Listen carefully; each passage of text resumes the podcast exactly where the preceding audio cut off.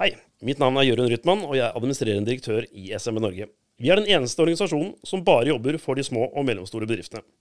Som medlem i SMB Norge får din bedrift mange fordeler. Et politisk talerør inn til Stortinget og regjeringen, svært kunstige forsikringsordninger, gratis advokathjelp over telefon og e-post. Jeg syns du skal melde inn din bedrift i SMB Norge i dag. Gå inn på dinbedrift.no og meld deg inn. Sammen styrker vi din bedrift.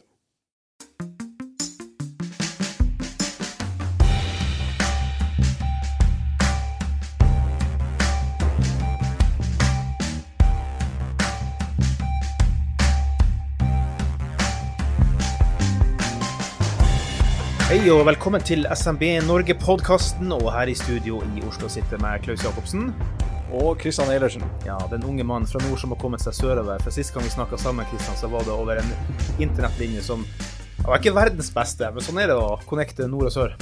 Vi får satse på at budskapet og innholdet var godt, selv om forbindelsen var dårlig. jo, jeg tror det skal bli godt, eh, godt uh, mottatt. Men Kristian, eh, for en liten stund siden så hadde jo SMB Norge en eh, jubileumskonferanse. Mm. Og den var vellykka og bra og gøy. Og, 100 deltakere der, var det ikke det? Ja. ja. Og Eh, altså Erna var der. Ja, Guri Melby i Venstre. Siv Jensen var der. Det var mm. masse kjentfolk. Mm. Også den personen som vi skal ta en prat med i dag, da. For det er noe med det å, å, å satse på for fremtida. Og så er det noe som vi i SMB Norge har jobba hardt for. Det er jo det som skjedde under eh, pandemien, lockdown, eh, korona altså reduksjoner for eh, små og mellomstore bedrifter. Men noen fikk en suksesshistorie ut av det, og det er det vi skal snakke litt om i dag. Ungt entreprenørskap. Ja, for vi har jo også snakka en del Klaus, om at eh, hva vi skal snakke om i denne podkasten, er egentlig på generelt basis og, og i tida fremover. Mm. Og en ting som vi har tenkt at eh, er spennende for folk å høre på, er jo å snakke med folk som faktisk har starta en bedrift sjøl, eller som faktisk driver en bedrift sjøl. Hvordan er det å gjøre nettopp den øvelsen? Hører litt sånn seiershistorier, noen krigshistorier fra dem som har skoen på. Ja. Det tror vi kunne være veldig interessant å, for folk å lytte på. Ja. Men samtidig så er det jo eh, Når du tenker gründer og entreprenørskap, så tenker du ofte litt eldre grå menn, hvis det er lov å si. ja, åtte av ti som starter bedrift, er jo menn som regel. Ja. Men vi snakker ikke med en uh, grå eldre mann i dag, i hvert fall. Og det er det som er clouet her. En litt ungt entreprenørskap og se litt fremover inn i glasskula. Og, og hvilket ja, noen gjør, og finner løsninger på som noen ganger er litt sånn uh, overraskende. Jøss, så man en løsning der, ja. Og, og, det finnes noen små uh, hva skal vi kalle det, prodigy kids, som man sier, i, mm. i hvert fall i fotballverden. Mm. Uh, Wonder Kid, jeg vet ikke, eller kanskje litt for mye fotballanalogier. Nei, det blir aldri feil med fotball. Nei, du heier bare på feil lag, det er det eneste. ja, jeg heier i hvert fall på det laget som er øverst på tabellen i England, i motsetning til ditt lag, men det skal vi ikke bruke tid på med lytterne i dag. Nei, nei, nei, la oss ikke snakke bedre om det, da. Men under jubileumskonferansen, og hvis jeg husker riktig så hadde vi et uh, foredrag som heter 'Fra gutterommet til verden'. Og det var det du, Håkon Ellingsen, som sto for, stemmer ikke det? Det stemmer. Ja, Velkommen til oss. Velkommen Takk skal du ha. Ja. Veldig gøy at du hadde tid til oss, fordi at eh, Eller kanskje du, du, sov på toget på vei inn her uansett, eller for at du har jo hatt litt sånne spesielle sovevaner, har jeg skjønt, så Ja, ja, men herregud, jeg sover litt sånn uh, når som helst, jeg. Ja. Du får inn timene når jeg kan. Som en god soldat. Ja, en god soldat sover han kan, ikke det han sier? Sov med ene øyet lukka, Så andre åpen. Så jeg er alltid på jobb. ja, ja men det, det, er veldig gøy. da. Og Grunnen til at jeg fleiper litt med det, jeg må jo forklare det litt for, for lytterne. Ja, fordi at du ble jo litt kjent, og du har vært eh, på toget sjøl fra Sandefjord på vei inn hit, så hørte jeg et intervju med deg på Politisk kvarter i NRK, blant annet, og leste litt opp. og så gjorde jeg også forrige gang når du var hos oss på jubileumskonferansen. Men det er jo det at eh, du var 15 år under eh, pandemien og lockdown kom, og eh, hadde lyst til å være gründerspire, og fant opp en liten robot som sørger for at du var på alle skolens digitale timer mens du lå og sov. og derfor spør han det med søvn. ja, det, det, selvfølgelig. Ja. Altså, jeg mener jo at skolesystemet det er Jeg eh, mener at det er direkte farlig for, for fremtiden. For altså barn og unge de blir, de blir forma de blir ikke lært til å utforme seg selv. Mm. Eh, og det, det, mener jeg er problematisk. Mm. Mm. Du erfarte det sjøl også da du gikk på Ja, jeg gjorde det. Og jeg, altså jeg vet ikke hvor um, altså Det er sikkert noen som kommer til å være uenig med meg nå, men ja, det, jeg, det, jeg, tenker nå, det er at hadde jeg ikke forlatt skolesystemet, så hadde jeg nok aldri kunnet gjort det jeg gjorde nå i dag. Mm. Og jeg tror heller ikke at jeg hadde blitt den personen jeg er nå. Mm. Ja, for, for, hvor gammel er du nå, Håkon? Jeg 18 år. 18 år. Så du, du er egentlig enda jeg håper å si, skoleelev sånn i alder? Ja, stemmer. Men, men du, du, går ikke på, på, skolen? Nei, altså jeg tar jo skolen som privatist. Mm. Så det betyr rett og slett at jeg bare tar eksamene. Jeg er ikke noen av timene. Mm. Det fungerer bra for deg? Ja. Funker bra, det. men, men, men, hva er det du gjør da, i stedet for å være skoleelev i dag? Ja, da jobber jeg med selskapet. Selskapet mitt. Ellingsen Group. Mm. Mm. Men det som er litt uh, spesielt der, og det er jo det som er så morsomt, og derfor er vi tisa frem, frem på forhånd det med ungt entreprenørskap. Fordi at eh, du starta veldig, veldig ungt. Mm. Du skapte noe eh, nett Er det kasino, eller var det som tolvåring, og solgte det ut? Altså, her er vi på Prodigy Kid-nivå. Vi er ja, på Wonder Kid, altså. Vi er det. Beklager, ikke for å gjøre deg liksom flau, men, men, det er jo spesielt. Det, altså, mine tolvåringer, eller da jeg var tolvåring, plukka navlelo og sparka stein i grusen. Og så kommer du og skaper internettfenomener. Ja, men jeg, jeg, tror ikke at eh, Jeg tror ikke at det er at folk er annerledes. Jeg tror at man kan velge og gjøre ting som andre kanskje tenker er ekstraordinært. Mm. Og jeg tror at det handler veldig mye om miljøet du havner inn i. Og jeg tror at det er ofte ganske tilfeldig. Mm. Så jeg vil si at mye av det jeg har fått til, er veldig tilfeldig. For at ja. jeg ikke kom inn i det miljøet jeg gjorde på internett, hvor jeg faktisk lærte om å programmere. Mm. Hvor jeg faktisk kom inn i altså det eh, spillkasinomiljøet, da. Ja. Altså dette var jo for et uh, spill, ikke ordentlig kasino. Ja. Eh, ikke sant? Så hadde jeg jo kanskje aldri lagd den første plattformen. Og da hadde jeg kanskje heller ikke blitt hekta på det å lage plattformer. Mm. Så jeg tror det er veldig tilfeldig. Men hva slags plattform var det du utvikla først? Altså Den første plattformen jeg lagde, det var eh, det kasinoet. Mm. Og deretter så lagde jeg en plattform hvor folk kunne svare på spørreundersøkelser og få betalt. Okay. Mm. Og det, det, er plattformer som jeg på en måte ikke er så veldig stolt av nå i dag. Jeg lagde jo det da jeg var 12 og 13 år. Eh, ja, men hallo. du sier jo det her, 12 og 13 år. Hva kan forventes, som jeg sier, andre tolvåringer sparker stein i grusen, og så driver du og skaper apper. Så ja, det er viktig å trykke opp fremfor ned. Fremsnakking, tenker jeg da. Men hva som gjorde at du liksom fikk den, den interessen at du begynte å skulle utvikle disse plattformene? Hva som var på en måte, bakhistorien for det, da? Altså, jeg tror det går tilbake til uh, barndomstraumer, rett og slett. Mm. For uh, jeg tror det er uh, de traumene jeg hadde som barn. For jeg var jo uh, hjertesyk. Mm.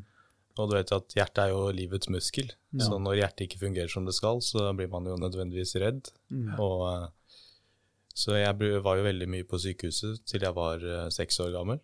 Ja. og så fikk jeg jo slag når jeg var fem. Mm. Så da mista jeg evnen til å gå, så jeg måtte lære meg å gå på nytt. Mm. Og hele livet så har jeg jo følt på at andre ser på meg som annerledes. Mm. Ikke at jeg ser på meg selv som, som annerledes, mm. for jeg mente jo at jeg var akkurat lik som alle andre. Mm. Eh, så jeg hadde det Etter hvert så kokte det på en måte litt opp. Mm. Og jeg fikk det jaget til å ville oppnå noe, for å mm. vise, vise omverdenen at OK, mm. det, uh, I will go and do it. Mm. Så driven har kommet eh, Altså den indre drivkraften har egentlig kommet av eh, utfordringer du har sjøl følt i, i, i barndommen? Absolutt. Ja. Mm. Og det at jeg har følt at andre har sett meg ja. som annerledes. Mm. Men entreprenørskap, det å drive business, starte business, det har ikke kommet hjemmefra. Det har vært din greie. Det er ikke sånn at mamma og pappa har vært entreprenører, og derfor har du fått den der uh, gründergenet inn, liksom? Eh, stemmer. Det er ingen av foreldrene mine som har uh, Altså, Onkelen min driver et cateringbyrå, men ja. det er liksom nærmest vi kommer. Ja, ja. Eh, men, Næring, det også. Ja, ja men det, I dobbel forstand. ja, det, det, kom Altså, det var egentlig ikke lysten til å starte en bedrift. Det var lysten til å skape noe. Ja. Men for å skape noe, faktisk bringe det til folk, så må man jo kommersialisere det. Mm. Så det var sånn altså, jeg begynte å tenke at ok, jeg må lage en bedrift. Ja. Bidra til uh, storsamfunnet, egentlig. Mm. Fordi det, eh, den hovedappen som på en måte du har satsa mest på Vi skal selvfølgelig finne ut om hva mer du satser på, for at det vi har lest om deg for en ukes tiden, kan være gammel nytt allerede. her, her, går det virkelig fort, da. Men Bloomful, mm. det er vel den du har lagt mest trykk på nå for tida, ikke det? Ja, eller altså, vi har jo vi har egentlig lagt trykk på hele økosystemet vi skal skape. Ja. Men uh, det er jo Bloomful som vi lanserte først. Ja. Og den har jo nå vært i beta, så vi har testa den med en uh, viss gruppe mennesker. Mm. mm. En viss gruppe, antar jeg, et visst antall psykologer på, på, appen. Ja, og Forklar Blumfull. Ja, Blumfull. Rett og slett, så jeg kaller det The Therapist Office Reinvented. Ja. For et av problemene nå det er jo at unge mennesker de tør ikke å oppsøke psykologen. De tør ikke å faktisk fysisk dra dit. Mm. Så da tenkte jeg ok, da lar jeg de være anonyme. Så da lagde jeg rett og slett en app hvor eh, man kan være anonym og oppsøke psykologer gjennom eh, plattformen. Mm. Man kan uh, booke videokonsultasjoner, og man kan også snakke med psykologene på chat. Mm. Og jeg tenkte da at det vil være en løsning for å Altså det er et lavterskeltilbud. Mm. Eh, terskelen er ikke så stor til å faktisk både økonomisk og, og faktisk kunne gå til psykologen, for det er mange som ikke tør det. Hvis du allerede sliter mye med angst, mm. så er kanskje ikke psykologen det første stedet du tenker på å dra. Men, jeg må bare spørre som oppfølging der, da. Nå er jo jeg som sagt eh, far sjøl til en på 18, en på 12 og til og med en på 22. Så at, eh, og jeg har sjøl vært fotballtrener for mange av ungdommene opp gjennom tida. Og for meg som er litt sånn gammel mastodont, så var det sånn eh, Tough it out. Tough it out. Det var liksom sant. Vi hadde tøffe trenere, vi hadde tøffe lærere, vi hadde tøffe ditt, tøffe datt. Men så er jo samfunnet i endring. Og gjennom den endringen som har pågått der, så har jo jeg fått en feeling av at det er tøffere på en annen måte for ungdom i dag, spesielt det mentale. Presset på skolen. sant? Denne, hva er det, var det Canada Goose det skulle være en stund, med jakker til 8 10 12 15 000?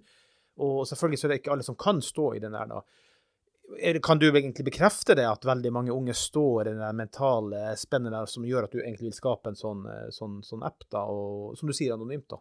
Ja, absolutt. Mm. Jeg tror at det kommer av uh, den materialistiske tidsånden. Altså, det er jaget etter materialistiske goder, altså det, man, det, det fysiske. Mm. Det man ser, enten det er utseende eller hva man har. Det er uh, fokuset på det man har i hjernen og tankene det er helt fremmed for mm. den generasjonen nå. Men apropos apper der, eh, altså, hvordan tror du at sosiale medier og sånne ting spiller inn der?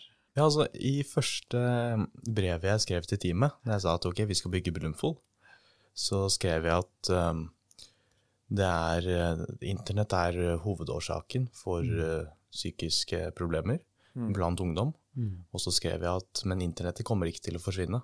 Mm. Så da må man bruke internett som løsningen.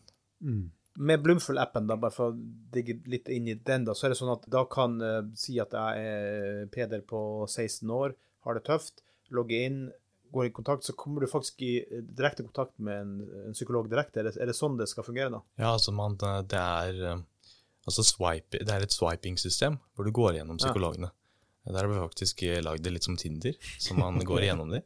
Hva sier psykologene om det?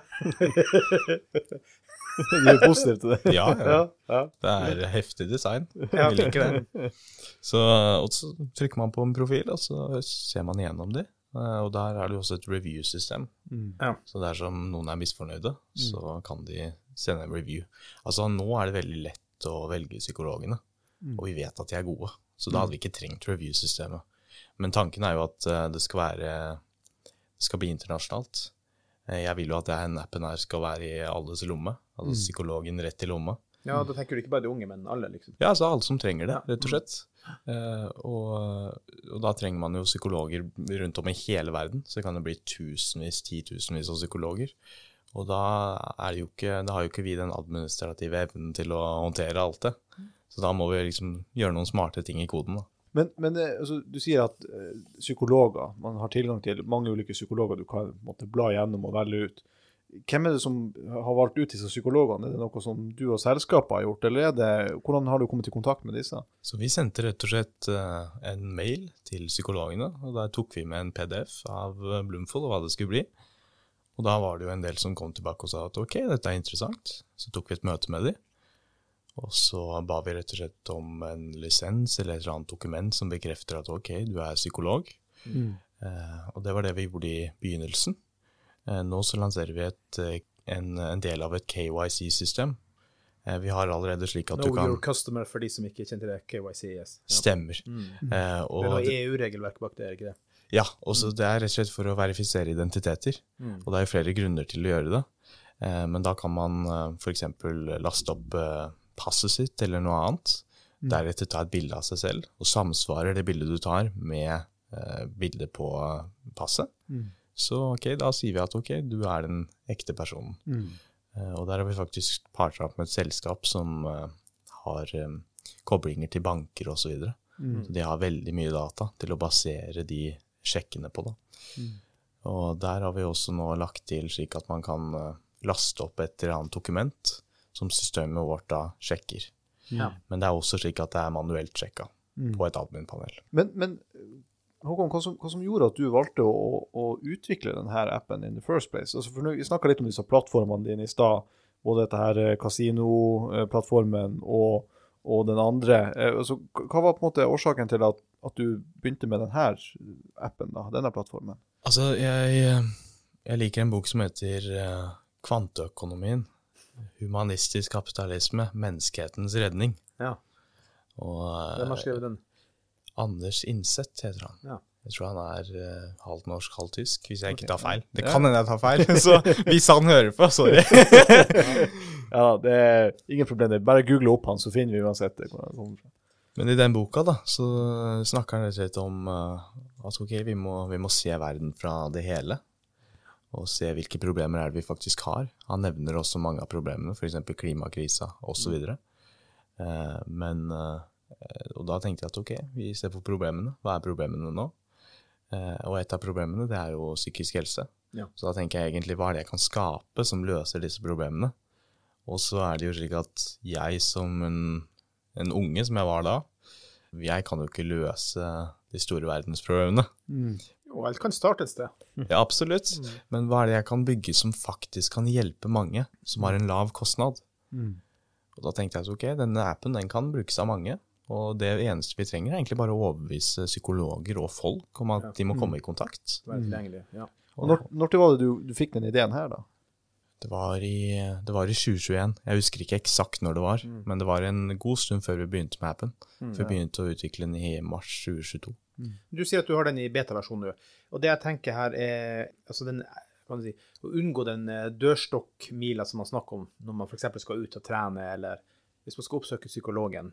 Har du funnet ut om det at den er lagt opp sånn som den er, gjør at det er lettere for om så en ung eller en eldre person å faktisk ta et steg og begynne å gå til psykologen? For det er det jeg tror, at en sånn app vil kunne gjøre det lettere å bestemme seg, i stedet for å gå ut og slite med sine egne tanker i hverdagen. Mm. Og så skal du gå og møte en fysisk Kanskje du skal komme inn på kontoret, kanskje naboen ser at du går inn på det kontoret. Så jeg skjønner altså at blir, Barrierer blir skapt, mens en app på denne måten vil ta den bort. Har du noen tanker eller teorier eller har fått testa ut om det blir lettere for folk som sliter? å ta, søke til hjelp. Ja, men Det tror jeg er en god analyse, og det er jo egentlig den hypotesen jeg hadde også. Mm. Eh, bak appen, at uh, det er lavterskel. Det er, terskelen er ikke så stor for å faktisk gå til psykologen gjennom appen. Mm. Men uh, vi har ikke fått testa det på et kritisk volum ennå. Ja, hvor mange har dere testa på så langt? Ja, 100 stykk. Så det, det, er veldig få, egentlig. altså. Ja. Og uh, den er jo ikke tilgjengelig for alle ennå. Du kan laste den ned, men du kommer deg ikke igjennom. Da blir du satt på en venteliste, står det. Ja. Uh, så vi har på en måte ikke testa det på kritisk volum ennå. Da er det umulig å si. Ja. Mm. Når eh, skal den være sånn fullt tilgjengelig for alt og alle? Hva er planen? Det blir rett over nyåret. Ja. Mm. Mm. Og da kun Norge, eller internasjonalt med en gang? Da er det kun Norge og Sverige. Mm. Norge og Sverige. Mm. Ok. Men er det her er en app som du har utvikla alene, eller har du jobba med andre? Og vi er jo et uh, veldig stort team. Ja. Det er jo ikke et uh, uh, Altså, vi gjorde den jo, lagde den på rekordtid, egentlig. Ja. To måneder. Fra, fra, start til slutt. så lanserte vi en måned etter der igjen. Da hadde vi gjort testing. Så tre måneder for hele utviklinga. Men vi hadde vel et team på ca. ti som uh, jobba med den appen. Da var det en UI designer mm. og en project manager. Hva sa du først? En hva designer? Uh, ja. ja. uh, eh, UI designer. Okay. UI, det står for user interface. Ah, okay. Så altså det visuelle designet av en app. da. Mm. Er jeg å sitte her i senioravdelingen og stille sånne spørsmål for ungdommer som lytter. og, det, og det, går på det, på, måte, på det, rent grafiske, ikke sant? hvordan det ser ut. Ja, stemmer. Ja, prøver Kristian å imponere her. Ja. Men det må jo sies, du satser jo internasjonalt, og der har du også litt spesielle tanker, da. Fordi at eh, Si at vi var gründere av Kristianus, og vi satte i gang og begynte å bygge opp, da. Men du er jo virkelig en internettgenerasjon. Så det er ikke sånn at uh, du er fra Kongsvinger, der skal du bygge lokaler. Kanskje de er ferdige nå, da, men de sitter ikke på Kongsvinger, alle disse som, uh, som jobber med deg. De er spredt over hele verden. Ja, det er helt riktig. Altså, jeg bruker jo hele verden som rekrutteringsarena. Mm. Og når man eh, bruker hele verden som rekrutteringsarena, så har man jo mye, altså en større mengde talenter å nå, da. Ja. Så det er, det er vanskelig å rekruttere alle de du trenger i Norge. Det er, mm. så enkelt er det. Det, det er ja, veldig vanskelig. Her, liksom. Det er spredt overalt. Det er litt tilbake til det teamet ditt, for du sa at det var en sånn, som jobba med det grafiske i det teamet, og så er det du sjøl, og hvilke andre du har hatt med deg i det teamet? Ja, i det teamet som jobba med Bloomful ja. spesifikt, eh, så var det jo en rekke utviklere, så åtte utviklere. Og utvikling det er jo hovedsakelig, det er flere roller også. Men hvis vi ser på eh, ren utvikling, så er det spredd opp i tre ulike roller. Eh, I hvert fall har vi det. Eh, da er det backend-utviklere. Backend det er bakdelen av en plattform. Altså mm. det funksjonaliteten. Det som skjer som du ikke ser. Mm. Eh, og så har du frontend. Det er da web frontend spesifikt. Det er da det visuelle, det du kan trykke på og se mm. på nettsiden. Og så har du mobilutviklingen. Mm. Og mobilutviklingen, det er, det er lik web frontend men det er for mobil. Så det er det visuelle og det du kan se og trykke på på mobilen. Mm. Og uh, hvordan jobber du uh, med disse Altså, hvordan jobber dere sammen når du er så spredt i alle retninger? Hvordan er brainstorm, fungerer brainstorming i Ellingsen Group når én sitter her og én sitter der og en sitter der? Altså, hvordan har du jobba for å ja, absolutt. Altså, vi, vi, bruker jo Slack som, uh, ja. for kommunikasjon. Og da er det jo sånn at altså, folk sender bare hverandre meldinger og spør ja, skal vi ta et møte nå, ti minutter. Ja. Og så hopper de jo på en call. Så mm. det funker egentlig veldig bra. Altså. Ja. Mm. For du reiser ikke mye rundt. Hvor mange nasjonaliteter har du spredt rundt omkring som du jobber sammen med oh. I, i, din, i, din, gruppe? Altså? Det, er, det, er, mange, men 20, wow. tenker jeg. Ja, cirka. Og du unngår reising? Ja. ja. Kostnadseffektivt. altså, jeg hører også med til historien at det her har mye blitt utvikla under korona også. Eh, så du har ikke hatt den samme muligheten heller til å kunne reise så mye som man kanskje ellers ville ha gjort hvis det ikke hadde vært koronapandemi. Ja, men det er et godt poeng. Mm. Og, men eh, koronapandemien var jo hell i huel, egentlig. OK, fortell. Ja, altså Den frøs jo tida til alle. Mm. Og når alle får mer tid, da er det en enorm mulighet til å skape noe sammen med andre mennesker. Mm. Så da var rekrutteringsmulighetene veldig store, og folk hadde mer tid, så de ble med, naturlig nok. Eh, fordi de hadde troa på det, men også fordi de hadde mer tid. Og da skapte vi noe spesielt sammen. Så, så, så, det du sier da, på en måte, er jo at, at koronapandemien det, det, var nesten også en sånn slags katalysator for utviklinga av produktet ditt og, og selskapene dine. At hadde det ikke vært for det, så hadde du ikke hatt de samme mulighetene til å utvikle det. Eh, Absolutt. Jeg, jeg, tror kanskje ikke at det hadde skjedd på det tidspunktet. Jeg tror det hadde skjedd eh, etter hvert, men ikke, på det, ikke, så tidlig hvis mm. koronapandemien ikke hadde kommet. Ja, du fikk mye tid tilgjengelig. Mm. Absolutt. Mm. mm. Så de sier jo at 'never waste a good crisis'. ja, det, er jo ingen tvil om det at når det oppstår krise, så oppstår det også muligheter. ikke sant? Mm. Uh, så det har man jo sett mange eksempler på opp gjennom historien, at uh, krise har fostra nye muligheter som folk har liksom tatt tak i med begge hender. Da, ja, og ikke bare det, og du er jo et godt eksempel på det, men en annen ting som er mer ekstremt på det, det er at enhver krig viser jo ofte Mange av de store innovasjonene som er skapt, er skapt pga. krig. Mm. Så at det er jo elendighet. Og ja, det er jo trist og det er fælt for all del. Og SMB Norges medlemmer stort sett har blitt hardt ramma ut av eh, pandemien og lockdown, ikke minst de som faktisk måtte stenge og ikke fikk, eller fikk arbeidsnekt, rett og slett. da. Mens det var jo da gull, gullkorntid for deg og ditt team å kunne få ja, jobbe på, egentlig. Mm. Eh. Og Apropos SMB Norge og SMB Norge sine medlemmer, kanskje vi skal høre en liten reklame fra vår administrerende direktør Jørund Rytman? Hei, mitt navn er Jørund Rytman, og jeg er administrerende direktør i SMB Norge. Vi er den eneste organisasjonen som bare jobber for de små og mellomstore bedriftene. Som medlem i SME Norge får din bedrift mange fordeler. Et politisk talerør inn til Stortinget og regjeringen, svært kunstige forsikringsordninger, gratis advokathjelp over telefon og e-post. Jeg syns du skal melde inn din bedrift i SME Norge i dag. Gå inn på dinbedrift.no og meld deg inn. Sammen styrker vi din bedrift. Ja, gjør som eh, vår gode venn eh, Jørund Rytman eh, sier der, og meld deg inn i SMB Norge for eh, ulike gode fordeler. Og det, ja, det, der, er, der er mye å vinne på å være medlem av SMB Norge, Kristian. Ja, og ikke minst så står du på lag med alle landets små og mellomstore bedrifter. Og det er mm. kanskje det som er det viktigste, at det er kun én organisasjon i dette landet her som kun representerer små og mellomstore bedrifter, og det er oss.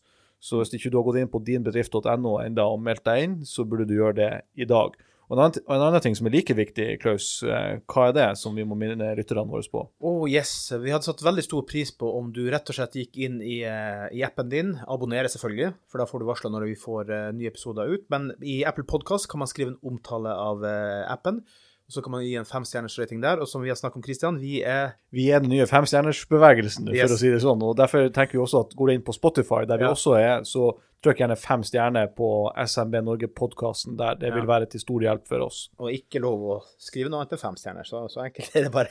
Apropos det, jeg håper å si, Håkon, er, er, er, selskapet ditt eh, på noen ulike sosiale medier eh, og på en måte markedsføre produktet og markedsføre selskapet og hva dere holder på med? Fram til nå så har vi vært veldig under radaren. Men vi lanserer jo nå sosiale medier 4.1.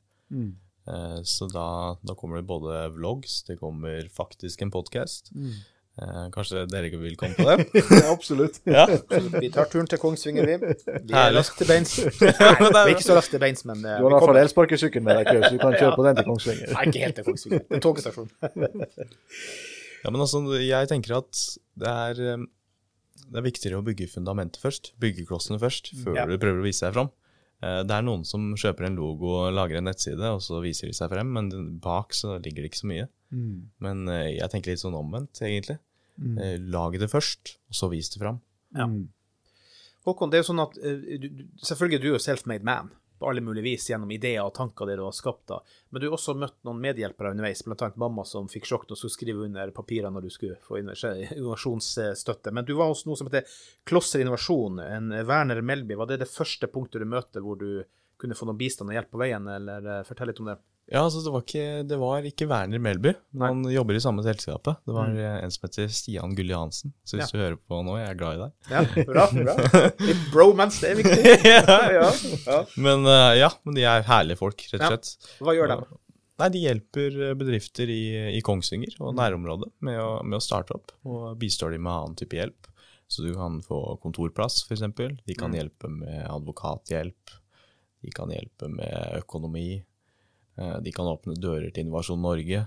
Så de hjelper med veldig mye forskjellig. Så det er veldig god hjelp. Så De holder på med sånn, sånn bedriftsinkubasjon, egentlig? At de hjelper bedrifter, de gir fødselshjelp til bedrifter, rett og slett? Det det de ja, rett og slett. Men det er jo kommunalt støtta, da. Ja, nettopp. Eh, så det er jo gratis, eh, så å si. Jeg tror det er 800 kroner i måneden. Det er jo så å si gratis for, for bedriftene. Mm.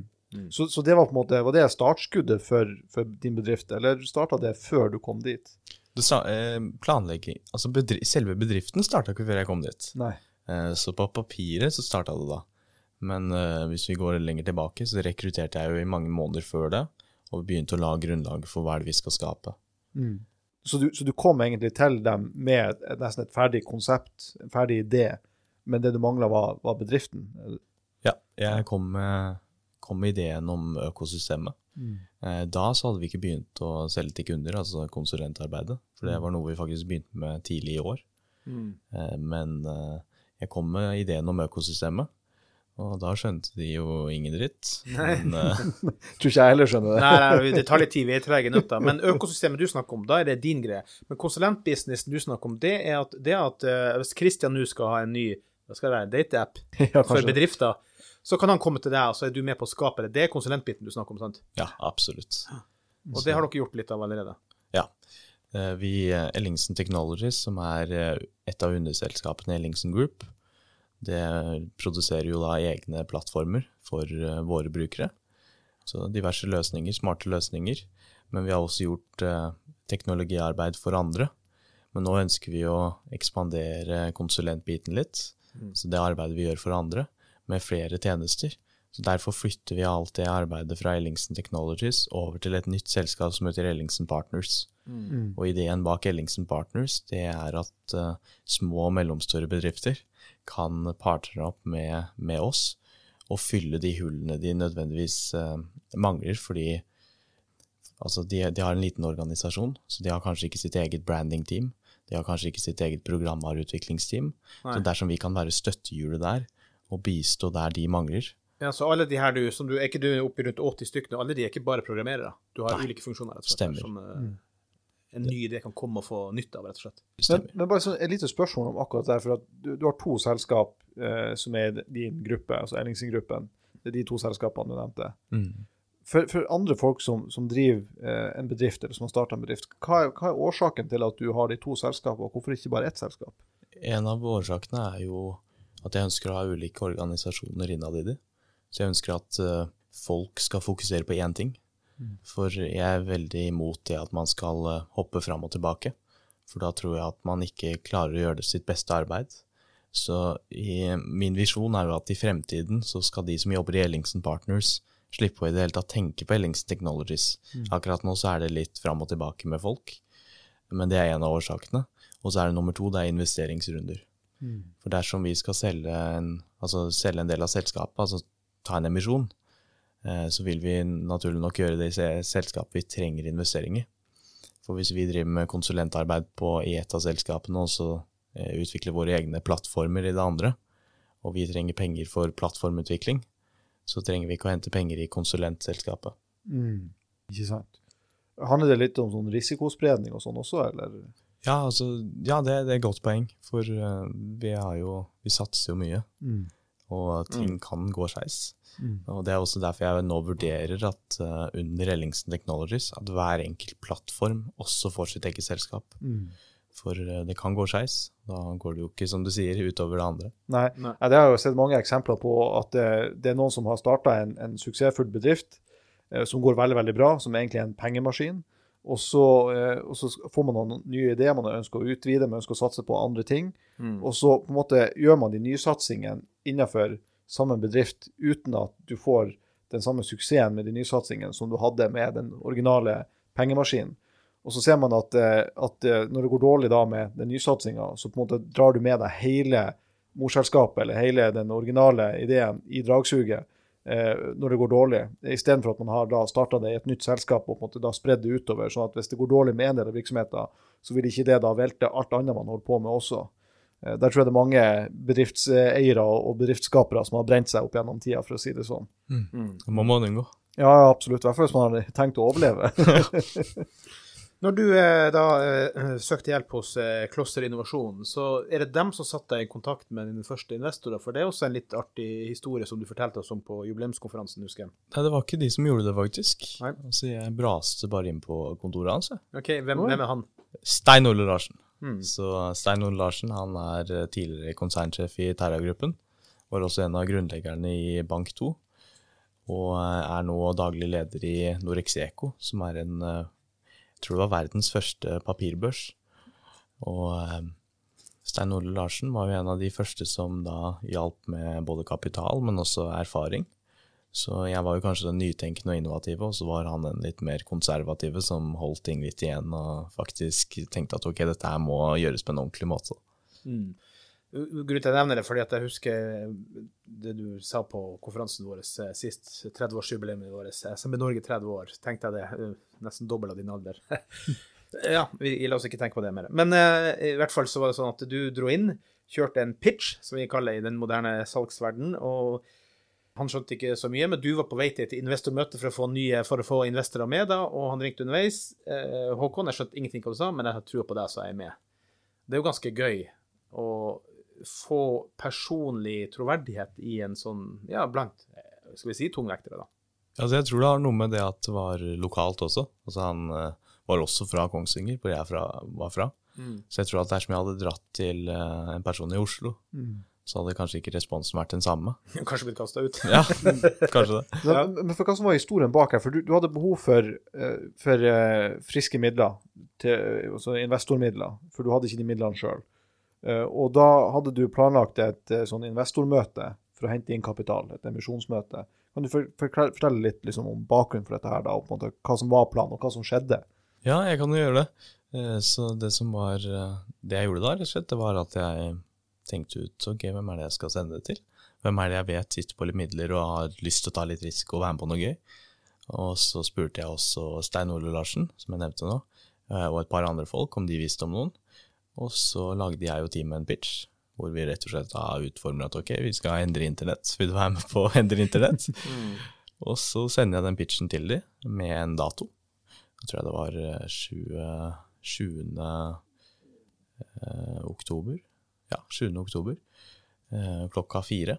Da måtte de komme på selskapspresentasjon på mm. kontoret vårt. Og de møtte jo da opp, naturlig nok. Men, uh, men før det, altså på morgenen før det, så var det et annet selskap som kom på kontoret, for de hadde ikke tid klokka fire. Og så pitcha jeg for de, og så dro de.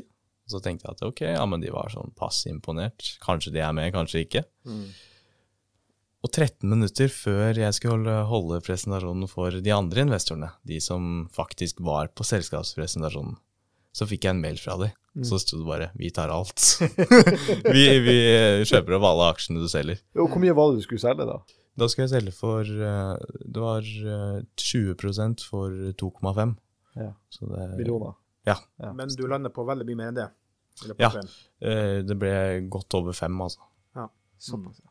Mm. Nei, men det, det, er spennende, så det er gøy at det, å, å, bli, å, bli, trudd på. Men du, den store drømmen, det hørte jeg også på Politisk kvarter, hvor du var hos NRK, da. Den store drømmen er for deg å gjenskape internett og gi det tilbake til folket. Hva, hva legger du i det? Hva, hva, er den store vyen bak det? Altså, internett det starta jo egentlig som et mål for å gi makt til folket. Det var jo det som var uh, grunntanken, og det var jo det de gjorde i begynnelsen. Men så var det en rekke smarte folk, og all kreds til de, som klarte å skape noen løsninger som folk ble helt hekta på. Og de klarte derfor å akkumulere mesteparten av eh, befolkningen som brukere på plattformene sine. Mm. Og de har jo da tviholdt på de. Så eh, noen av gigantene er jo da Google og Facebook. Mm. Og de kan egentlig sånn, strengt talt gjøre hva de vil. Og eh, de driver også med sensurering av enkelte personer. Og dette er jo personer vi kanskje ikke er enig med meningene deres, mm. men uh, det er jo rart å tenke at et teknologiselskap skal være over loven. Mm. For loven har jo sine regler om ytringsfrihet. Mm. Hvorfor skal teknologiselskapene da bryte den loven? Mm. Uh, så jeg mener jo at de egentlig bryter loven. Mm. Ja, og om ikke annet så er det jo nesten i praksis en sånn monopolsituasjon. at de styrer en rekke plattformer som i realiteten har blitt måte, vår felles markedsplass eller vår felles eh, diskusjonsforum. Og så det er likevel dem som måte, styrer alle retningslinjer og hvordan det fungerer. Absolutt. Og de som altså, kontrollerer disse plattformene, de er jo også venner, mm. kompiser. Så det er jo en uh, det er på en måte en guttaklubb som vi ikke er en del av. da. Ja, Mye makt på få hender. Eksakt. Og brukerne de har jo ingenting de skulle sagt. Mm. Altså Uansett hva de ber om av endringer, så mm. vil det aldri komme, komme til, eh, til syne. Og det tror jeg også kan ha noe med at eh, Jeg er ikke sikker, men det kan ha noe med at eh, de er, selskapene er kontrollert av investorer. Mm. Ofte institusjonelle investorer. Mm.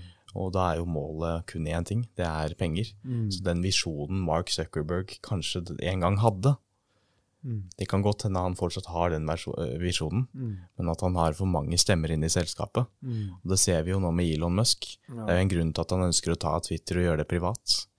Når det gjelder Mark Zuckerberg, så er jeg ikke så sikker, for han har en kompis som skulle rate damer eh, internt på Det var Facebook.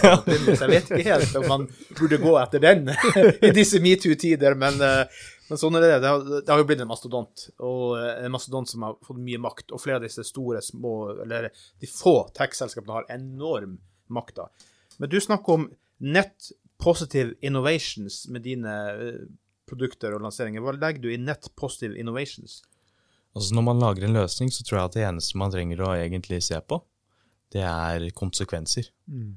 Så må man rett og slett brainstorme konsekvensene. Mm. Og de kan være positive og negative. Og det er ingenting som er 100% positivt. Det må være nett positivt. Det positive må utveie det negative. Mm. Og det går jo også med oss mennesker. Altså Ingen av oss er perfekte. Jeg har gjort dumme ting, dere har gjort dumme ting. Mm. Men dersom dere er i nett, nett positiv, mm. så mener jeg at det er en god ting. Mm. Ja, det er ikke alltid på en måte verken samfunnet eller markedet vurderer det sånn, men det er jo den tankegangen vi burde ha, kanskje. Mm. Ja, altså det er jo penger som styrer, egentlig. Det er jo rett og slett det. Men uh, da kommer vi jo inn på det som kalles humanistisk kapitalisme. Mm. Det at man har eh, humanistiske syn, men man bruker markedskrefter. Mm. Og Apropos humanistisk eh, kapitalisme, hvis det er lov, eller, eller, eller nettpositiv bidrag. En ting også jeg merker meg, er at apropos sånn som du sjøl, du har funnet ut at du er flink på å gjøre noe. ting. Utdanning var ikke så viktig. Mastergrad, bachelor og ditt og datt. Du drar inn folk i ditt team som kan jobben sin og kanskje hadde ikke fått den jobben fordi de ikke har mastergraden osv. Du er ikke så opptatt av utdanninga. Du vil at folk skal bare kunne jobben sin. Absolutt. Altså, vi, vi, vi tester folk, fordi vi vil jo selvfølgelig ha de beste. Ja. Og de som virkelig kan utføre jobben. Men uh, i utviklerteamet vårt, så de fleste har utdanning, det må jeg bare si. Mm. Uh, men blant designerne så er det en helt annen historie. Mm. Og det er også flere av utviklerne som ikke har utdanning. Mm. Men uh, det, det, viktigste for meg er som du sier, at de skal kunne gjøre jobben sin. Det spiller ingen rolle hva det står på papiret. Mm. Så hvis vi kan sende en uh, Vi sender challenges, rett og slett utfordringer, utviklingsutfordringer, og så gir vi dem en uh, tidsramme hvor de må fullføre prosjektet. Og dersom vi da får et fullverdig prosjekt som vi, våre utviklere har gjennomgått og synes er bra, hvorfor skal vi da ikke rekruttere den personen? Mm. I grunnlag av at han ikke har utdanning? Mm. Jo, det sosiale entreprenørskapet det, det gir sjansen til en sånt menneske som ikke vil fått en annen sted, da. Rett og slett. Absolutt. Men, men, er du arbeidsgiver i dag? Har du arbeidsgiveransvar? Eh, ja, nå har jeg det. Ja. Jeg har ikke hatt det, eh, for jeg var under 18. Ja, ikke sant. akkurat... du, du, kunne rent formelt ikke ha det, men nå har du det. Stemmer. Hvordan syns du det er å på en måte ha arbeidsgiveransvar for, for folk? Altså Først og fremst så hadde jeg på en måte den rollen uansett om jeg ikke var på papiret. Ja. Eh, jeg signerte ikke ting, Nei. men eh, jeg var jo førstekontakt ja. til eh, alle i teamet. Ja. Men altså, jeg liker den rollen, men det begynner å bli litt uh, tøft å ha veldig mange som hele tiden skal på en måte ha en del av deg. Mm. Ikke at jeg er noe spesiell, men det er jo jeg som kanskje har de svarene de trenger. Mm. Og når alle da bombarderer deg med masse meldinger og ringer osv., så, videre, så kan det bli litt mye. Mm. Uh, så jeg elsker jo teamet, men uh, noen ganger så må jeg si at ja, nå har jeg ikke tid. og da kan jo de bli skuffa, selvfølgelig. Jo, jo, det menneskelige aspektet. Men for, for, du har organisert det ganske Du har ikke bare 80 ansatte, du har prosjekter, du har teamebasis, du, du har delt opp i masse forskjellige løsninger, er det riktig? Yes, stemmer. Og det går igjen med kostnadseffektivitet. Mm. Så vi har frilansere, vi har eh, fulltidsansatte, mm. deltidsansatte, mm. og så har vi også diverse konsulentselskaper mm. Som leier ut sine folk til oss. Mm. Og alt dette her er jo da en eh, vakker miks mm. for å få det beste teamet, men også holde kostnadene lave. Absolutt. Men for det der er jo eh, det Arbeidsgiverbiten det er også noe som er kanskje utfordrende med det å drive egen bedrift. For at veldig mange har på en måte en en idé, man er på en måte gründeren, man er den som vil utvikle produktet, men så er det alt det andre rundt med det å drive en bedrift som også kan være både vanskelig, men også kan være givende. Det kommer jo an på måten man ser det på, kanskje erfaringer man har. Men, men hvordan syns du det er da på en måte å, å, gjøre alle de tingene som er rundt det, å eh, utvikle selve produktet? Da tenker jeg ikke bare på det, eh, liksom det å utvikle produktet, for det er det du lever og ånder for, er det du brenner for, men alle de andre oppgavene rundt. Hvordan syns du det er å skal håndtere de tingene? Um, altså Da skal jeg være direkte og fortelle sannheten. Jeg syns det er dritkjedelig. Ja. rett og slett. Ja. Uh, og Kanskje du må ansette mamma til å overta det?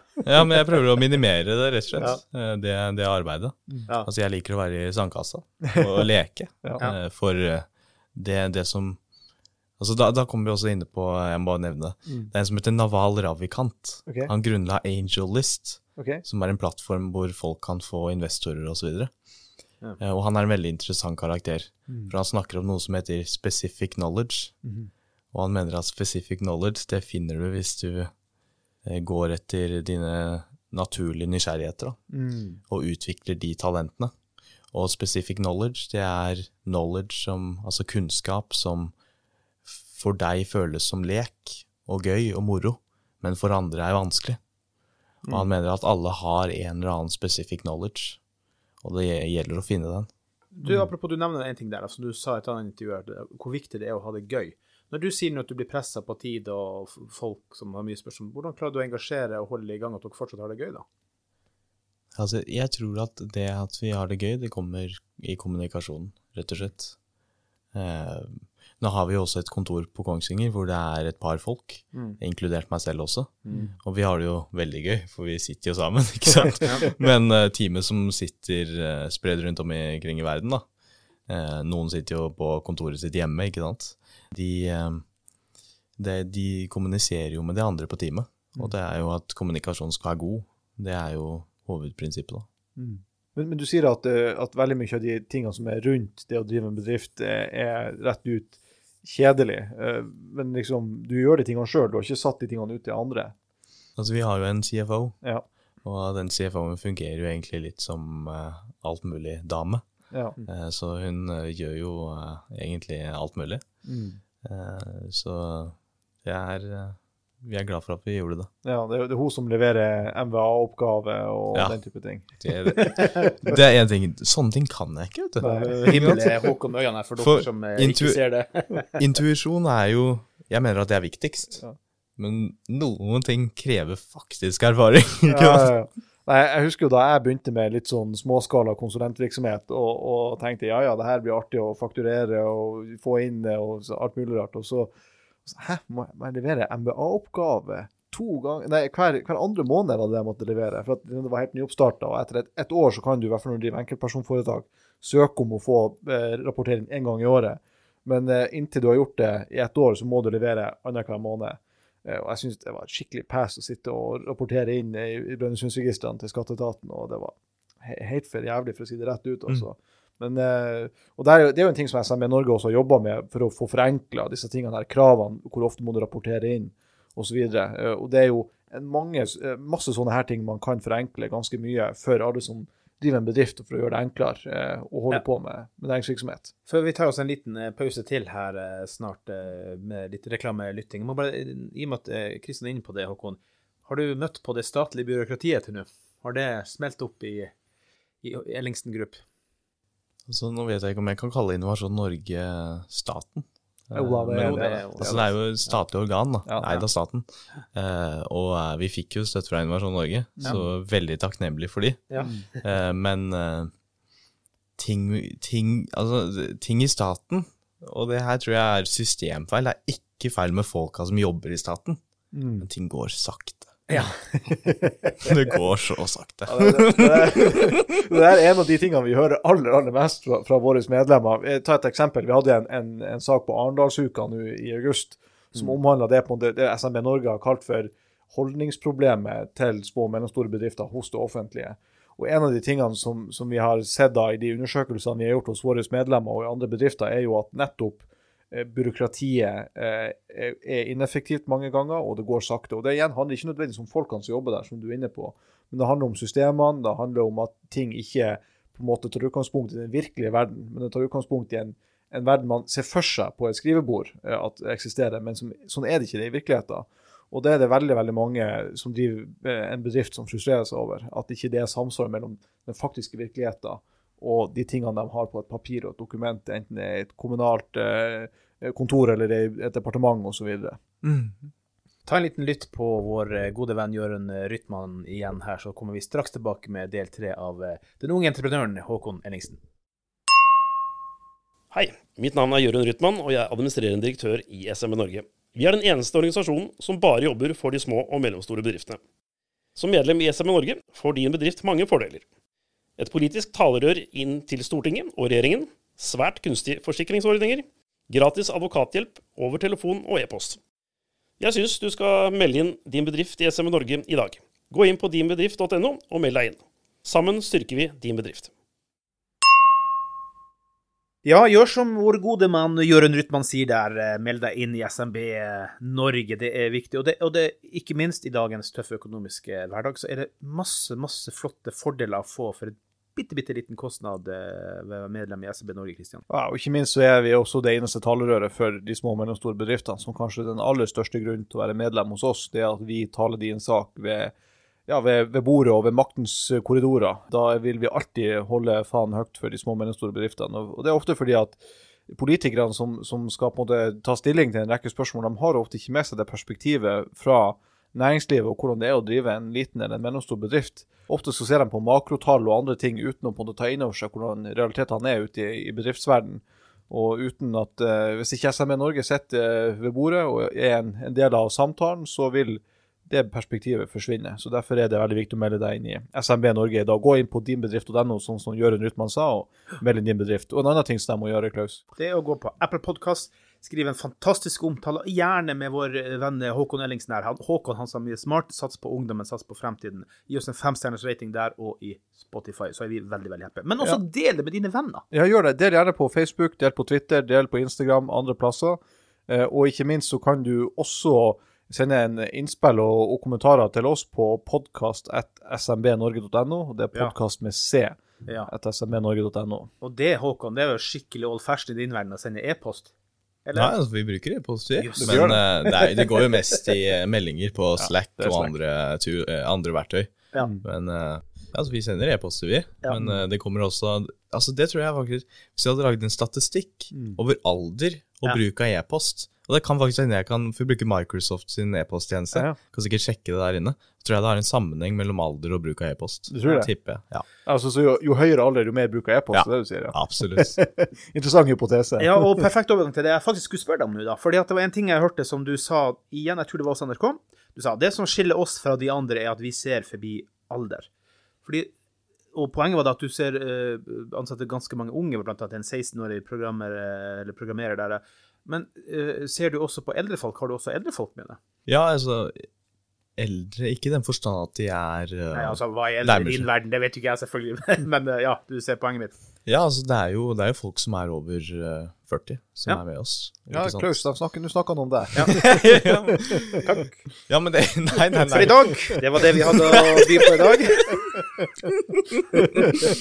nei, altså eldre i sammenligning med resten av teamet, da. Ja da. Si. Ja, ja da. Eh, og, vi tåler litt humor, det går fint. Ja, ja. Men uh, ja. Uh, Men det skiller dere i hvert fall fra, fra Clinton og Veten, det eller poenget, og, det, og, og, da blir du veldig annerledes, da. Ja, det gjør jo det. Altså, vi får jo en annen kultur, mm. rett og slett. Eh, vi får unge impulser. Mm. folk som kanskje ikke enda er uh, utvikla. Så de er under utvikling. De blir til mens de er med oss. Ikke sant? og jeg tror det er en veldig rar miks, ja. hvor intuisjon kanskje trumfer eh, erfaring. Mm. Og hvor man stoler mer på hjertet sitt enn man mm. stoler på altså, Men kanskje det skaper også mer eh, rett og slett skaperkraft? Altså evne til innovasjon også, og kreativitet? At man er litt mindre satt i en del etablerte systemer og måter å gjøre ting på, men at du på en måte heller lar den ungdommelige kreativiteten utfolde seg, rett og slett? Ja, det, det, er eh, Altså, jeg tror at systemer er som et virus mm. i, som forplanter seg i hjernen din, egentlig. Mm. mm. Altså, det setter barri barrierer. Jeg vil at folk skal ha et fritt tankesett. Mm. Et tankesett hvor de ikke hele tiden er, føler at de er en del av et system, og de må gjøre visse oppgaver og følge prosesser. Mm. Mm. Eh, de skal være frie. Og da, da, tror jeg, som du sier, at skaperkraften blir størst. Mm. Apropos barrierer, noe, har, du, har, du, på en måte noen form for krigshistorier til nå i, i den lille drifta, eller lille, lille drifta, men den lille tida du har holdt på med det her? Mm. Hva, hva, er det som slår deg frem med at det, der dro vi frem sverd og kniv? Det, det verste som skjedde, det mm. var jo at uh, dette var når vi hadde utvikla en annen plattform tidligere, mm. uh, som vi lanserte i desember 2021. Mm. Uh, det er den sosiale medieplattformen som vi kan komme litt inn på, kanskje, mm. eh, som, eh, som, vi lanserte tidligere, eh, og som vi nå skal lansere på nytt igjen. Og en av utviklerne vi hadde med oss da, han var faktisk norsk, eh, fra Bergen. Han valgte da å slette kodebasen. Oi, oi. Deretter, det, da snakker vi krigshistorie, ja. Ja, og det skjedde jo egentlig litt eh, på natta, egentlig. Ah. men det hadde jo bygd seg opp til det før, fordi han Vi hadde jo en avtale og deretter så, tenkte, så han jo at dette kom til å bli stort. Og deretter krevde da eierandeler i selskapet og krevde diverse andre goder eh, som ikke sto i avtalen. Mm. Eh, og rett og slett da forsøkte å utpresse oss, og utpresse styrelederen min, Stein Ole Larsen. Mm. Og det er jo kanskje den eh, tøffeste eh, Altså det tøffeste vi har møtt på så langt. da. Hvordan håndterte dere det, da? Altså, det var, Vi kunne ikke surmule. Det var bare å sette seg ned igjen og begynne på nytt. Eh, på den plattformen. Altså Det var såpass at det var rett og slett å nullstille seg og begynne på nytt igjen? Ja, det var fullstendig nullstilling. Men dere hadde ikke noen mulighet liksom, til å rettslig gå etter han, han fyren her, eller noe sånt? Jo, det tror jeg vi hadde, men uh, jeg ikke på hevn. Mm. For uh, hvis du Altså, det hjelper jo ikke meg å skade han. Nei. Og så tenker jeg at den, det stresset jeg da påtar meg uh, ved, ved, å gå etter han, mm. det vil ikke være verdt det, egentlig. Nei. Og så tenker jeg litt sånn at jeg tror kanskje han innerst inne nå, spesielt nå etter han har lest og hørt mye om hva vi har fått til i det siste, mm. at han egentlig tenker at ok, faen, jeg skulle mm. ikke gjort det. Mm. Og alle kan gjøre feil. Mm. Jo, absolutt. Det er jo ingen tvil om det, om at alle kan gjøre feil. og for så vidt alle fortjener en ny sjanse også hvis man har, uh, har gått på en smell. Uh, så, så, det kan vi være enige om. Men, men liksom nå, da, uh, du, hva, hva, lærte du av dette her? Altså Det jeg lærte, var jo å ikke være naiv, ja. rett og slett. altså Jeg hadde møtt han flere ganger. Han bodde i Norge. Mm. Jeg hadde, var ikke noe Altså jeg hadde ingen idé om at det her kunne skje. Mm. At han kunne gå så langt. Mm. Og jeg skulle jo tatt backups, rett og slett. Nå har vi jo et automatisk backup-system. Ja. Altså alt uh, lagres på det som kalles repositories, da. Altså, og, eh, så det skulle jeg absolutt hatt. Det var det jeg lærte. Ja. Uh, så nå er det umulig for noen annen enn meg å slette noen ting. Men det her er jo learning by doing. Dessverre. The hard way. sant? Og da finner du ut ok, nå må vi kjøpe et system som skaper oss backups osv. Så, videre. så det er jo en del av det å ha noen utfordringer, det å starte og drive bedrift. Så, så kanskje har man da en viss naivitet til at yes, det er en idé jeg skal satse, jeg skal gunne på, og så bare ja, der kom én utfordring, og der kom én utfordring, og der kom én utfordring. Og det er, jo, det er, jo, en veldig tøff skole å lære på den måten, da, men kanskje den beste måten å lære på. Jeg vet ikke, det er kanskje litt ufint sagt. Eller det er kanskje ikke noen andre måter å lære det på enn på den måten. Nei, altså, jeg tror at du kan jo lese det i en bok, ja. men da setter det seg ikke. Nei. Men det der satte seg. Mm. Så nå kan jeg det. Og jeg tror at det du sier der er ganske viktig også. At uh, det at uh, Jeg tror at det, grunnen til at disse tingene her skjer Jeg velger å tro det, ja. selv om jeg kanskje nødvendigvis ikke logisk tror på det. Så tenker jeg at universet de, det, Alt skjer for en grunn, ja, ikke sant? Ja. Så hva er det universet ville uh, med at dette her skjedde? Nei, Kanskje universet ville at uh, jeg skulle videreutvikle ideen før det faktisk kom ut. Kanskje dette her ikke var riktig tidspunkt. Så jeg liker alltid å ha det positive mindsettet. Mm. jeg liker Det er en pastor, faktisk eh, som heter eh, Åh, oh, nå kommer jeg ikke på navnet hans. Hvis jeg kommer på det, så skal jeg skyte det ut. Ja. Men han sier i hvert fall at uh, 'positive thinking works wonders'. Mm. Ja. Men det tror jeg de gjør rett i, også, for det, det, kan jo være lett å på en måte, grave seg ned i det negative, og når man hele tida fokuserer på det negative, og da vil man aldri få til noe heller. Nei. Det er så veldig lett å sitte og si nei, det her får vi ikke til, og alt er bare dritt, og, og det er dårlig vær ute, og jeg har det kjipt. og liksom, liksom, Det blir også en sånn en, en nedadgående spiral, en ond sirkel, som kanskje kan være vanskelig å komme seg ut av. Hvis man da hele tida forsøker å fokusere på de positive tingene, ja. Så vi må også i større grad lykkes enn hvis man tenker negativt hele tida. Ja, for en som har møtt på mye dårlig vær fra mm. Finnmark, Øst-Finnmark, Øst så har jeg en liten vri på det. For at jeg har vært gjennom ikke skal sutre noe greier, men, men, jeg har et lite mantra som på en måte er forandra for en god del år siden, hvor jeg sa det at eh, negativ tankegang garanterer negativt utfall. Mm. Alltid. Positiv tankegang gir mulighet for positivt utfall, og da er valget superenkelt. Det mm. er, det er så enkelt at det er ikke noe vits å bruke negativ energi da på, på det. da. Det er godt sagt. Veldig godt sagt. Jo, takk for det sosiale medieplattformen der, da. Det var jo en krigshistorie. Den vant vel på, på sett og vis. Skal høre om du har noen andre vinnerhistorier. Men uh, fortell litt om den sosiale medieplattformen da, som skal komme. Ja, jeg kan jo gjøre det, men først og fremst vil jeg gå inn på at altså, det var en krigshistorie. Mm. Og eh, det, det, er at jeg tapte kanskje det slaget. Mm men jeg fant en ny måte å vinne krigen på. Ja, ikke sant? Ikke sant? Så bra, for vi er jo opptatt av å prate om vinnerhistorie, så da ble jeg jo egentlig en vinnerhistorie. da, egentlig. Ja, det, det, gjorde jo det. For, ja, for, for, du tok det negative og snudde til noe positivt? Ja, og det Altså, det satt en ild i meg, rett og slett også. Ja. Ikke sant? Mm. Enda mer motivasjon. Mm. På, dette skulle du få til, ikke sant? Absolutt. Eh, nå var det enda en, til og, en person til å bevise at de tar feil. Mm. Eller at uh, de gjorde noe feil. Men, men, er det det som driver deg, Håkon? Altså den der eh, trangen til å, å, å si, motbevise eller, eller, bevise for andre folk at, at det her, du får til disse tingene, du mestrer disse tingene her?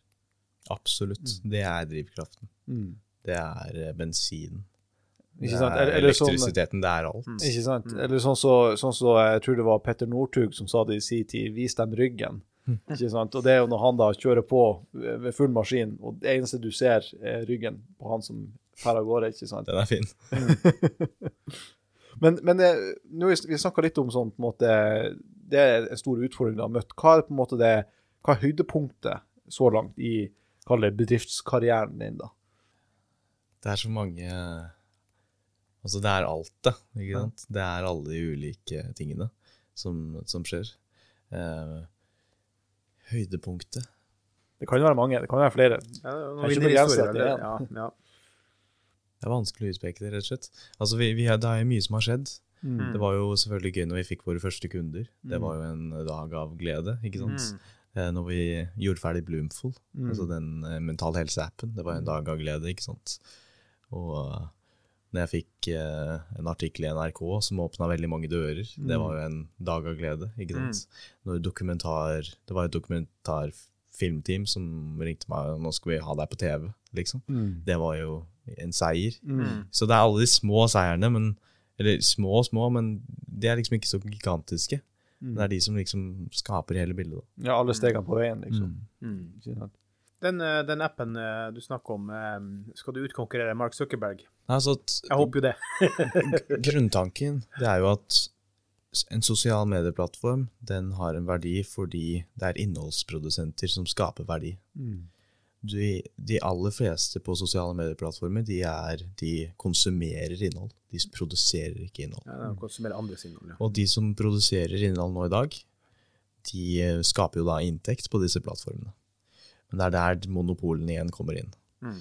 Hvis man ser på f.eks. Twitch, som er verdens største livestreaming-plattform Den kjenner til meg til.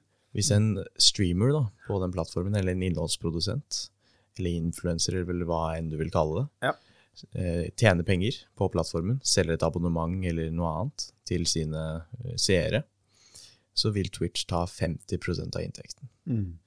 Og 50 den eneste grunnen til at de kan ta den eh, prosentandelen, det er fordi de ikke har noen konkurranse. Mm. YouTube 35 mm. Og dette ser man over alle disse store plattformene. De tar en veldig stor andel. Og det er også andre problemer. For så lytter de ikke til innholdsprodusentene. Mm. Og så er det også f.eks. Onlyfans, som har fullt av pornografisk innhold. Mm. Så det er ingen vanlige innholdsprodusenter. da. Sorry til dere som lager porno der ute. Nei da, de produserer jo kun ett type innhold, rett og slett. Det er ingen vanlige innholdsprodusenter som ønsker å assosiere seg med brandet. Så det jeg ønsket da å gjøre, det var å lage en plattform som setter innholdsprodusenten i sentrum, mm. og lytter til innholdsprodusenten. Og så navnet jeg valgte der, det var egentlig en liten meme, men så låt det så bra at jeg bare kjørte på. Da valgte jeg å kalle det Proper Fans. proper fans. Det er uh, ekte fans. Ekte fans. Mm. Men det er også proper i den forstand at OK vi, Det er redelig, skikkelig. Det er liksom. redelig, det er skikkelig. Ja, sånn, ja. Mm. Og spesielt av innholdet. Ja. For, og det er jo to grunner til at jeg valgte det navnet. Det er den grunnen vi var inne på nå. Ja, jeg har mine mistanker. Men det er også at folk skjønner umiddelbart hva det er. Ja de, de tenker Onlyfans. Yes. Alle har hørt navnet. Så ja. vi piggybanker på navnet deres. Mm. Men allikevel så legger vi til proper. Mm. Så de kan ikke ta oss på noe allikevel. Nei, nei. Uh, så det er, Og folk skjønner den proper-greia veldig raskt. Ja. Det er noen som spør sånn, er det sånn pornoplattform. Mm. Men så skjønner de det veldig raskt, egentlig. Vent ja, men det er jo proper. Vent og se. ja. Kanskje det blir det. Nei da, det gjør det ikke. Nei da, Men der har vi rett og slett laget en sosial medieplattform. Med lave fis, som det kalles. Altså ja, altså for, for innholdsprodusenten? For innholdsprodusenten, ja. Mm. Så vi tar en lav andel. Mm. Eh, men vi har også lagd en hybrid, da. Så vi har tatt alle funksjonene som finnes. Vi har tatt litt fra Instagram, litt fra Twitch, litt fra Twitter, litt fra YouTube. Mm. Og rett og slett tatt inn i én smølje. Vi har også tatt litt fra Clubhouse, hvis jeg har hørt om det. Ja da. Mm. Prøvde det i to uker mens det var lockdown, og så var det slutt, for det var så dårlig lydkvalitet. ja. Og lagt til mange spennende funksjoner. Mm. Så innholdsprodusenter de kan skape da samhold med sine mest dedikerte fans, mm. hvor det da er abonnementsmur som du må igjennom eh, for å få tilgang på innholdet de eh, publiserer. Da har vi podcasts, vi har audio rooms, mm. som da er at man kan snakke med fansa sine, mm. litt som på Clubhouse. Man har vanlige innlegg, man har stories, men vi har også lagd mye interaksjon. Mm. Så hvis du abonnerer, så får du f.eks. tilgang på direktemeldinger Altså Du kan sende meldinger med innholdsprodusenten. Mm. For mange ser jo opp til de og ønsker å snakke med dem. Litt sånn Patrion-aktige greier. da. Eksakt. Mm. Så ønsker å gi muligheten til folk å møte idolene sine. Mm. Um, da, og du kan også kjøpe videosamtaler med innholdsprodusentene, eller da idolene mm. dine. Så grunntanken er å rett og slett gi en stemme til innholdsprodusentene, mm. som jeg føler at Silicon Valley har forbigått lenge. Ja, og Silicon Valley sliter vel litt nå med sånn som ting er borte i USA? Ja, absolutt. Men, men er det ja. sånn at, at uh, vil, vil, du da som, som, plattformeier og utvikler, altså hva slags inntekter er det dere vil generere for selskapet? Er det alltid som 100% til innholdsprodusenten? Vi har FIS. Har det, Vi har FIS. Eh, de er mye lavere. Men jeg har også en, en tanke for fremtiden mm. til hvordan man kan ha null prosent fis. Mm. Og det jeg da har tenkt å gjøre, og dette skal jeg gjøre for hele økosystemet mitt mm. Jeg har tenkt å lage en uh, kryptovaluta. Mm. Og den kryptovalutaen, den skal uh, for det meste holdes av uh, selskapet. Og verdien vår da vil da ligge i, i kryptovalutaen. Men kryptovalutaen, hvis folk velger å bruke kryptovalutaen, så øker det demanden, og prisen vil gå opp. Mm. Men dersom de da velger å benytte seg av det til å betale innholdsprodusenten, så greit, da er det 0 fis. Mm. Så vi vil ha det tilbudet etter hvert, med 0 fis, men da ved at du bruker vår kryptovaluta. Mm. Ikke sant. Og denne plattformen Properfans, har du ikke lansert den nå? Er den i bruk, eller er det fortsatt på Nei, men jeg har den på telefonen her, på testflight. Du har det? Så jeg kan jo bare vise deg skjermen litt sånn ja, ja. kjapt her nå. Gjør gjerne det. Uh, men uh, se der, ja. Er den nedlastbar nå for, for, folk Og... Nei, så vi har ikke lansert den ennå. Den er bare på Testflight, som er en sånn beta-testing-plattform for mm. IOS-apper. Ja. Eh, men uh, den eh, kommer neste år, og det, det, tror jeg kommer til å bli et smell.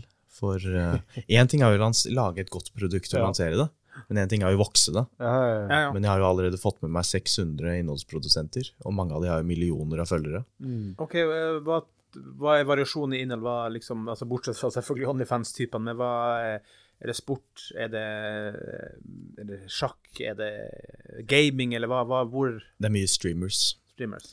Ja. For eh, Twitch er jo kanskje største forbryteren i dette maksspillet. Med 50, hvor, med 50 ja. fis, rett og slett. Ja. og eh, mange av de er veldig De blir veldig inspirert av den tanken da, om, mm. å, om, å, skape en plass hvor de faktisk har en stemme. Mm. Eh, så jeg opplever å få mye støtte fra innholdsprodusenter når vi tar kontakt med dem. Det er veldig mange som ønsker ja, å være med. Frustrasjon allerede. Eksakt. Ja. Og jeg har sett den frustrasjonen i lang tid. Og nå er det på tide å mm gi dem en stemme. Da. Jeg synes jeg kjenner meg litt igjen her i SME Norge sine medlemskontingenter. For de er jo også ganske snille sammenlignet med mange av de andre kontingentsatsene som er der ute. Vi har jo også bare, vi tar jo ikke utgangspunkt i årsomsetning og sånne ting, sånn som mange andre gjør. Vi har ganske lave kontingentsatser, men likevel så får du tilgang til alt vi har av, av tjenester og medlemshjelp. Eh, så det kjenner meg igjen i tankegangen som du i hvert fall eh, lanserer her. da. Ja. Håkon, vi skal snart gå inn for, for, landing her, for at du skal også få hilse på litt andre folk på huset her og sånn. Men vi har noen par små ting igjen her, da. Men uh, har du noen andre prosjekter uh, på gang som du på en måte vil tenke, eller har du noen videre visjoner for hva du vil skape videre i, i gruppa di? Altså, Det går jo tilbake til det digitale økosystemet igjen, da. Mm. Det Jeg vet ikke hvor mye jeg kan gå inn på. Nei, nei, du trenger ikke å avsløre statshemmeligheter her oppe, Simen. Hva tenker du om dine visjoner, da? liksom? Altså, jeg kan, jeg kan legge igjen en liten sånn eh, som man kan se tilbake på. Mm. Mm. Og eh, nå snakker jeg litt i fremtiden, ja. og så kanskje man tenker nå at ok, du er jo helt gal. eh, men eh, så kan man kanskje se tilbake på det om ti år og tenke oi, altså, det er faktisk noe som har skjedd. Ja. Men hva om jeg bare legger ut ett ord der? Ja. Det første kapitalistiske velferdssystemet. Oi. Jeg tror jeg, jeg tror jeg, skjønner hva du, hva du mener med det, men kan du kanskje forklare det litt for lytterne våre? Skal du legge det? Ja, lite grann. Ja. altså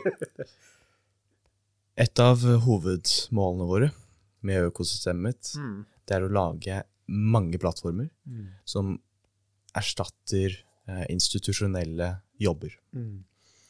Bloomful gir arbeidsplasser og frihet til å styre sin egen arbeidsplass for psykologer. Mm. Innholdsprodusenter, proper fans. Mm. Så jeg vil lage en plattform for alle. Mm. Og sammen skal vi altså Jeg bruker å si til teamet mitt recreate work. Mm. Vi skal gjenskape arbeid. Mm. Vi skal lage en ny arena for arbeid. Og i dette økosystemet da, så har jo alle en saldo i databasen. Mm. Som de kan opptjene ved å være da Vi har selgere og kjøpere på de ulike plattformene. Og da vil de jo komme inn mye inntekter til systemet. Mm. Så jeg kan si det, så kan du tykke litt, litt mer på. Ja, ja, det, det hørtes veldig spennende ut. Det tror jeg blir eh, artig å følge med på om eh, du lykkes med det, om, om det slår til. Ja, absolutt. Dette blir en uh, reise vi, jeg og Kristian, uh, mm. kommer til å følge med på. Jeg vet at det vil føles som en evighet for en ung mann som deg, Håkon, men uh, hvor er du om ti år? Om ti år? Mm. Jeg håper i hvert fall jeg er i live. I hvert fall. Det vil være en god start. håper vi lander på. jeg, Jeg skal ikke være i kista. Nei. Men nei da. Uh, om ti år så håper jeg jo da at jeg kan ha lagt mye av grunnlaget for, uh, for internett. Mm. Uh, det er kanskje litt sånn ja, Tilbake til folket, som du snakker om? Eksakt. Gi, det, gi, internett tilbake til folket, og være en positiv kraft, da, rett og slett. Men jeg håper også å kunne inspirert millioner, mm. for det er også et av målene. Mm. Det er en av de tingene der som jeg syns er veldig kult med deg, Håkon. og det, Jeg tror jeg må trekke inn et lite sitat her fra en, en, tidligere president i USA. Jeg skal ikke nevne hvem det er, for at han er ikke så populær nå for tida. Men, men, det er i hvert fall én ting han har sagt som, jeg, som i hvert fall ga mye mening for meg, og som jeg syns liksom, Der har han veldig godt poeng. Uh, og, og uh, han sa det at um, Oversatt til norsk, da, så sa han det at uh, hvis du uansett skal, skal tenke, så kan du like gjerne tenke stort. Donald John Trump. Det er Donald Trump, det er helt korrekt, det. Jeg er usikker på om det er fra The Art of the Deal, men, men det får være så. Men, men, akkurat det ga veldig mening. og Det, det høres ut som at det er liksom nesten ditt mantra også, at hvis du skal tenke, så tenk stort. Absolutt. Altså, true imagination is limitless. Mm.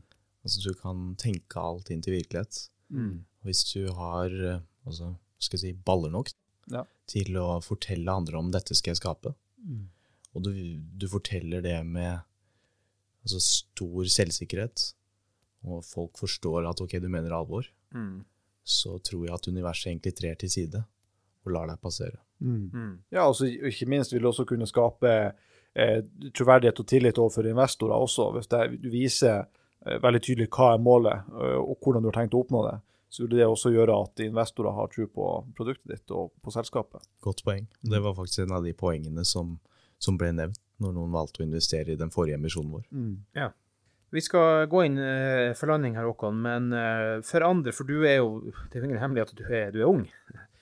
Og for andre potensielle lyttere som også er unge, og som har litt uh, gründerspirer i, i, magen, har du noe råd til dem? Hva, har du lært noe på veien her som tenker at pass opp for det, eller gjør det, eller gjør ikke det? Uh, ikke spør for mange folk om hva de synes om ideen din, eller at Nei. du skal starte opp. Tro på deg sjøl. Yes. Mm. For uh, altså, folk er litt redd for det ukjente. Mm. Og jeg tror at folk identifiserer seg med en rekke ting.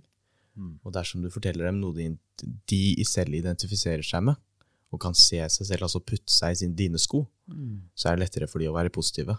Mm. Men det er ikke så mange som går rundt og faktisk tenker at ok, nå skal jeg starte dette her. Så det er veldig ukjent. Hvis man da kommer inn, spesielt da som jeg gjorde, til folk i klassen min, altså jeg var 15 år liksom, og sa at jeg skal starte dette her. Så de mange hadde aldri tenkt tanken på en bedrift engang. Så det var så ukjent for dem. Så det var så lett å være negativ. Mm. Så jeg tror for de unge, ja. ikke prat for mye om det til de rundt deg. Nei, jobb, jobb det ut sjøl, og så Ja, ja. Det, det kommer bare negativitet. Ja. Dessverre, altså. Ja. Det, det, er, det, kan være mange positive også, men dessverre så funker det litt sånn psykologisk at én negativ tanke ja. Det utveier ti positive. Ja, jeg, jeg, ser jo det er veldig mange som snakker om det at eh, jeg, jeg kan ikke lese sånn som f.eks. kjente folk. Jeg kan ikke lese reviews om meg sjøl, om det er TV-stjerne eller musikk. For at, at eh, da kommer det 7 543 positive omtaler, så kommer det én, og så henger de seg opp i akkurat den ene. Og dessverre, janteloven er dansk, men den er aller størst eh, i Norge. Og det må man bare anerkjenne noen gang for folk sånn som meg selv, som liker å tenke positivt. Ikke fokusere på det negative. Det er bare dritt i å bare kjøre på. fordi at når du begynner å kverne og plante inn sånn negativ tankegang, det, det, gir ingenting. Det, det, er, ingen positivitet i det. Det er ikke energi. Det, det drar unna energi. Så nei, jeg syns det er veldig godt råd, det du sier der om å Ja. ja det, er, ikke minst er det så lett også at det negative tar bolig i deg. ikke sant? At, mm. du, at det på en måte blir altoppslukende istedenfor at du lar de positive tingene eh, ta plass. ikke sant? Mm. mm. Det, men eh, vi skal gå inn for landing. Eh, vi skal det, men jeg bare tenkte vi skulle spørre først, eh, hvis du vil si det, Håkon. Hvor er det folk kan finne deg, hvis de vil følge deg på noe? Jeg hadde akkurat tenkt å spørre ja. om det, så vi tenker likt, Klaus. Ja. Eh, de kan finne meg på Twitter, ja. men der er jeg autentisk. Jeg sier det jeg mener. Eh, jeg forsøker å holde meg unna politikk, for det skaper jo bare problemer. Mm. Eh, også, Hva heter det på Twitter? Er det bare å søke Håkon Ellingsen, eller må man søke noen rare hashtag? Ja, du finner meg på Håkon Ellingsen, ja. men jeg tror det er faktisk HKON Ellingsen. Ja. ja, okay. Det er jo ikke noe Å på engelsk. Men der eh, finner du meg i hvert fall. Mm. Eh, så finner du meg også på LinkedIn. Der er det bare å søke Håkon Ellingsen. Mm. Men uh, på Twitter deler jeg mest uh, tanker, så da plutselig, om jeg er oppe om natta, liksom, så kan det komme en tweet. Ja, det er bra. Jeg skal gå og finne deg sjøl etterpå. og legge til. Så. Hvis man vil finne litt mer om, om, selskapet ditt og de tingene der, hvor de kan finne informasjon om det? Altså, du kan uh, finne oss på LinkedIn ja. til nå. Mm. Vi lanserer jo 4.1, som nevnt tidligere. Så mm. lanserer vi sosiale medier. Vi lanserer alle nettsidene våre. Så da vil uh, på en måte det jeg egentlig ikke er så glad i, da, da vil fasaden komme. Jeg liker det å bygge i bakgrunnen først, og faktisk bygge opp noe som er uh, solid før du på en måte viser deg fram. Men nå føler vi at vi har så mye å vise fram at nå er det på tide å komme ut der. Og det kommer jo også da til å hjelpe inn mot å faktisk få nye kunder, mm. eh, osv. Mm. Mm. Tusen takk, Håkon, for at du hadde tid til, eh, til ja, oss nå. Og spesielt nå før du har ordentlig lansert. Det var kanskje da du har tid til oss. Men vi skal komme og besøke deg på Kongsvinger, vi, altså. Fantastisk. Jeg skal invitere dere til eh, min podkast. Så ja. har vi én igjen. ja, det er veldig, veldig bra. Ja, men Det er, er fantastisk. Tusen takk for muligheten. Ja, det er ja. bare hyggelig. Og særlig pris på at du kunne ta tid til å snakke med SME Norge, og ikke minst eh, til alle våre medlemmer som er ute i hele landet og syns det er inspirerende å høre på en, en sånn som deg, som har skapt ditt eget univers. Absolutt. altså Jeg er selv medlem av SMB, og eh, jeg oppfordrer alle til å være medlem av SMB. Ja, det... Spesielt hvis du er en uh, liten bedrift. Mm. For uh, jeg vet uh, altså Jeg har selv snakka med Jørund Rytman, og han har en veldig god visjon. Og jeg mm. ser at alle andre i SMB også har en veldig god visjon om hva det skal bli, og hva det er. Ja. Så, og hvem vet, kanskje vi også plutselig er en del av Håkons univers? For han har store tanker. Absolutt. Men det varmer vårt hjerte å høre at uh, både at du er medlem i SME Norge, og at du oppfordrer andre til å bli det. det er jo, uh, vi er ikke sterkere enn antall uh, bedrifter som er medlem hos oss. Det er det som avgjør gjennomslagskrafta vår. Mm. Så derfor håper vi at alle som lytter til denne podkasten, går inn på dinbedrift.no og trykker på 'bli medlem' og melder inn sin bedrift i dag i SMB Norge. Mm. Og hva mer er det vi Nei, Vi setter jo stor pris på om folk vil eh, skrive en liten omtale på Apple Podcast eh, av eh, SMB Norge-podkasten, og gi en femstjerners rating. Vi er jo femstjerners Bevegelsen. Bevegelsen. Sånn er det. Og så kan du gi fem stjerner på Spotify også. Og så kan du sende oss en e-post på podkastmessig at smbnorge.no. Da hadde vi satt stor pris på noen tilbakemeldinger der, da. Da sier vi bare takk for i dag, gutta. Ja, tusen takk, Klaus. Takk for i dag. Hei, mitt navn er Jørund Rytman, og jeg er administrerende direktør i SMB Norge. Vi er den eneste organisasjonen som bare jobber for de små og mellomstore bedriftene. Som medlem i SMB Norge får din bedrift mange fordeler. Et politisk talerør inn til Stortinget og regjeringen, svært kunstige forsikringsordninger, gratis advokathjelp over telefon og e-post. Jeg syns du skal melde inn din bedrift i SMB Norge i dag. Gå inn på dinbedrift.no og meld deg inn. Sammen styrker vi din bedrift.